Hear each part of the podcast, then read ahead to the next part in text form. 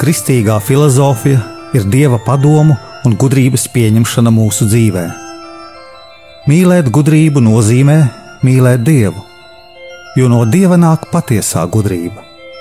Raidījums Kristīgā filozofija.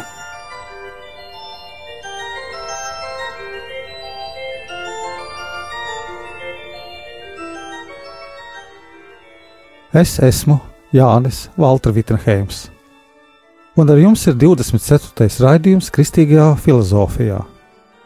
Subjektīvisms, ateisms, kas traucē cilvēka gara dzīvi.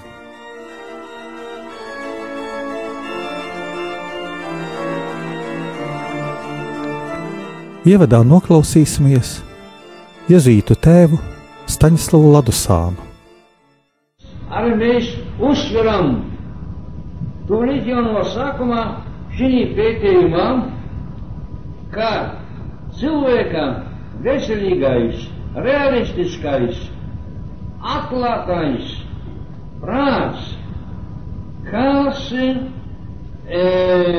urbjas realitātē īstenībā atrod, ka ir visaugstākā būtne, ko mēs saucam, ko cilvēks sauc par Dievu.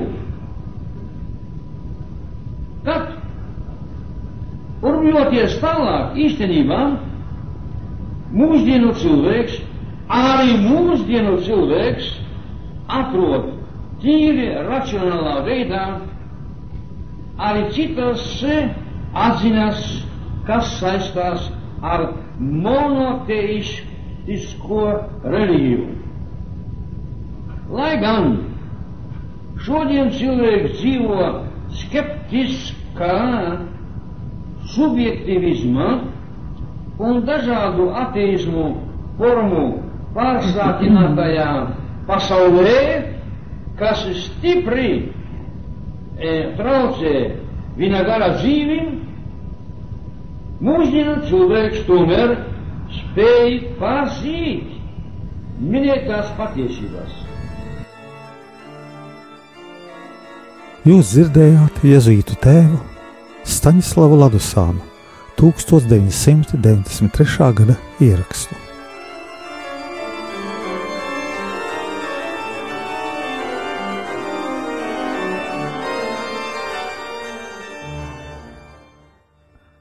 Baznīca ir cilvēka dzīve dievā. Cilvēks, kas radīts no māla, baznīcā top līdzīgs dievam, sekojot Kristum. Tas ir pazemības ceļš. Mēs bieži daudzus gadus varam izbaudīt dzīvi, un tad saprast, ka tomēr negribam to baudīt.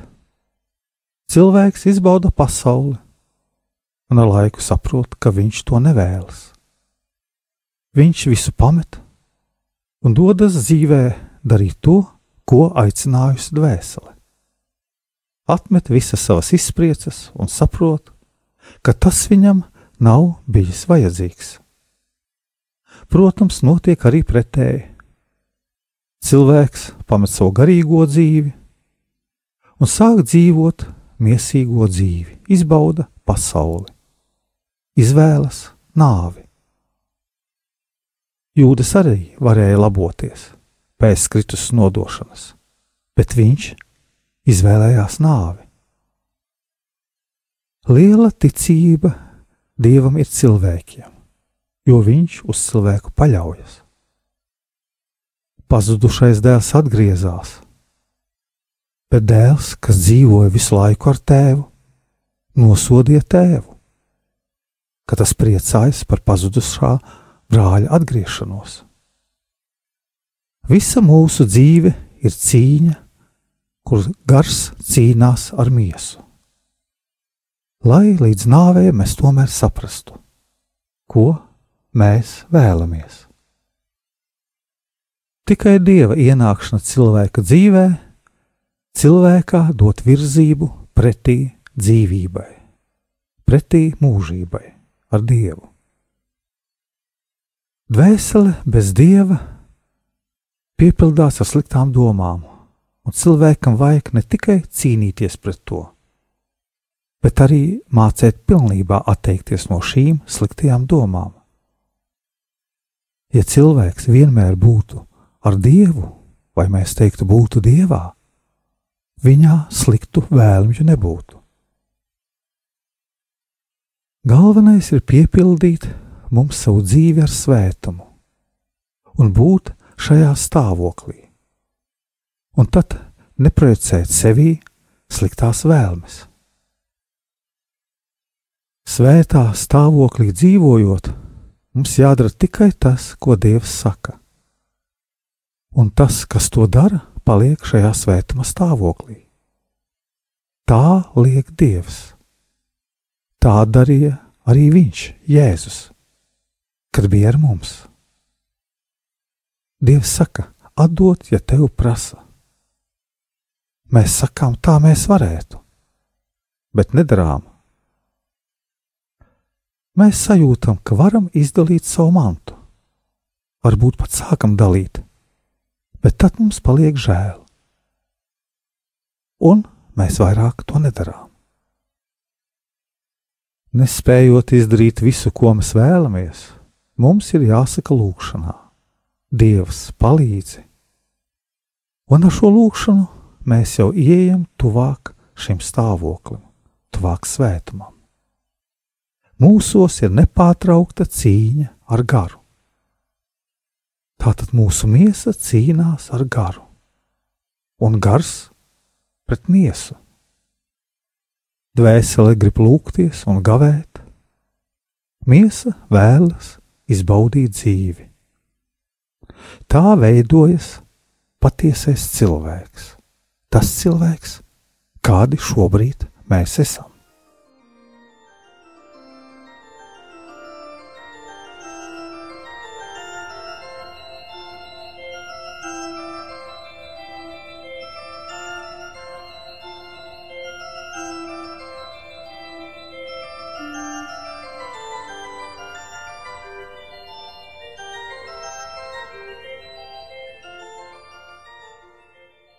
Mūsu mērķis ir Dieva debesu valstība, un mēs sev varētu uzdot jautājumu, kā mums, cilvēkiem, ir jārīkojas, lai mēs spētu sasniegt visaugstāko labumu, lai iegūtu vienotību ar šo visaugstāko labumu, ko mēs saucam par Dievu. Cilvēka priekšā ir Dievs visaugstākais labums. Cilvēks var par to domāt, virzīties uz to, bet var palikt arī pasīvs.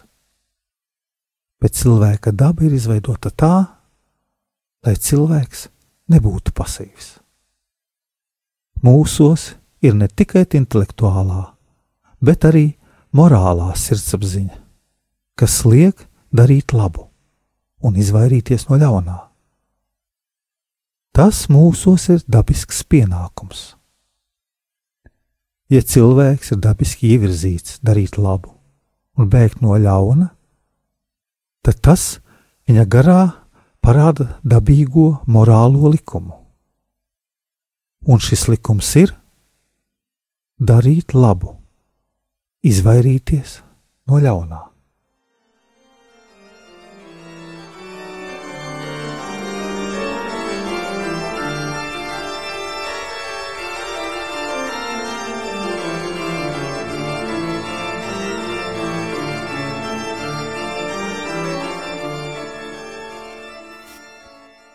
Ja cilvēks dara ļaunu, tad viņā mostas sirdsapziņas pārmetums. Tas nozīmē, ka viņš ir pakļauts likumam. Bet cilvēks ir brīvs, neskatoties uz visu. Tas nozīmē cilvēka autonomiju. Cilvēks pats, kā vēlas, tā rīkojas. Līdz ar to darot labu vai ļaunu, viņš sajūt sevī iekšā sirdsapziņas pārmetumus. Domājot par šo likumu, mēs ar prātu varam saprast, ka mēs atrodam augstāku likumdevēju, kas mums ir sirdī jau ierakstījis, kas ir likums. No kurienes nāk šis morāliskais brīdinājums mūsos. Tas nāk no paša cilvēka. Ja tas nāk no paša cilvēka, tad cilvēks var no tā atbrīvoties. Nē, mēs zinām, ka mēs nevaram atbrīvoties no šī likuma. Tātad, tomēr tas nav mūsu likums. Šī saistība stāv virs cilvēka, un cilvēks tā ir pakārtots. Tas likums saista cilvēku iekšēji, ierakstot cilvēkā garā šo likumu, un viņš pats nav saistīts ar šo likumu. Līdz ar to ir visaugstākais morāliskais saistītājs.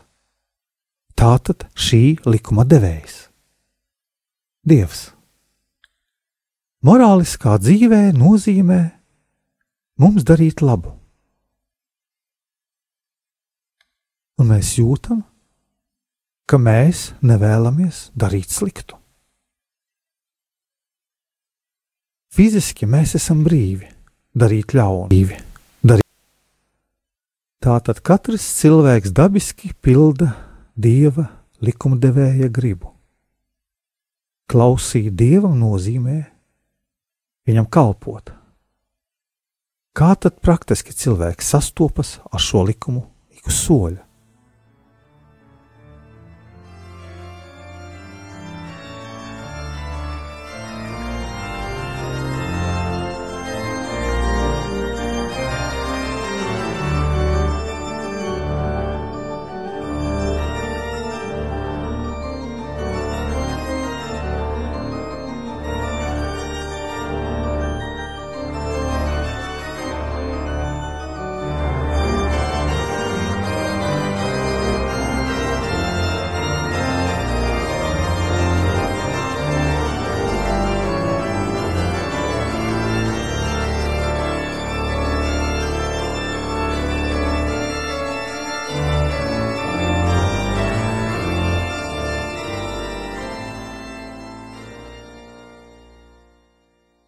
Cilvēkam, kas mīl Dievu, ir jāizmanto visi līdzekļi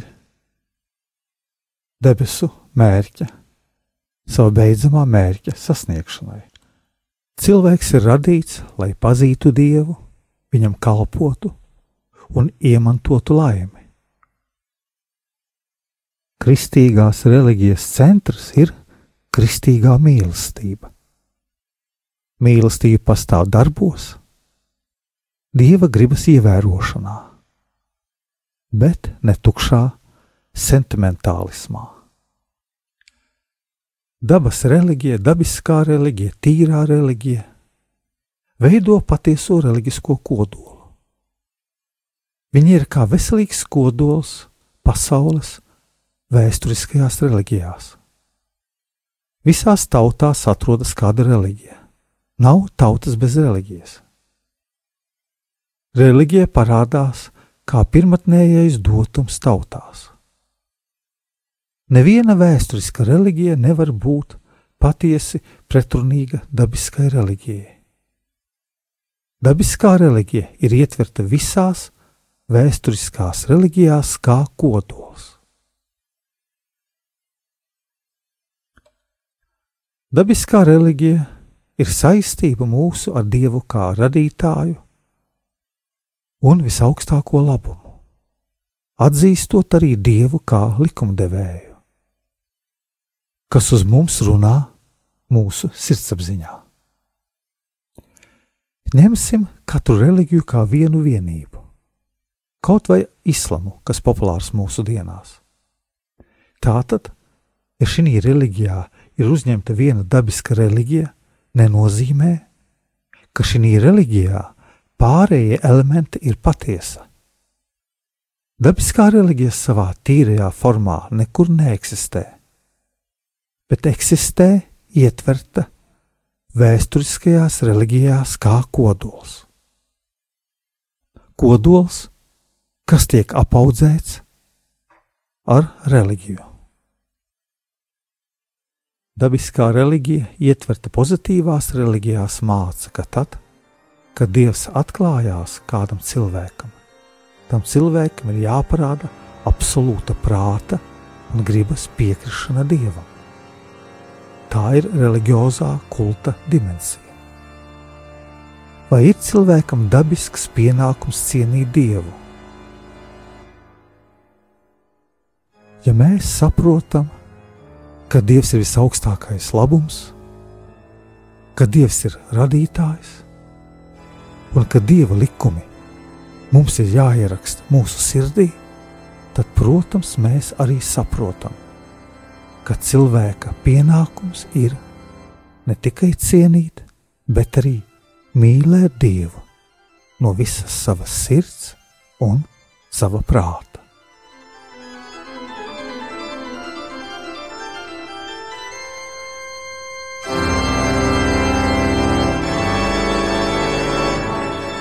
Jūs klausījāties 24. raidījumu Kristīgajā filozofijā, un ar jums bija Jānis Valterviters.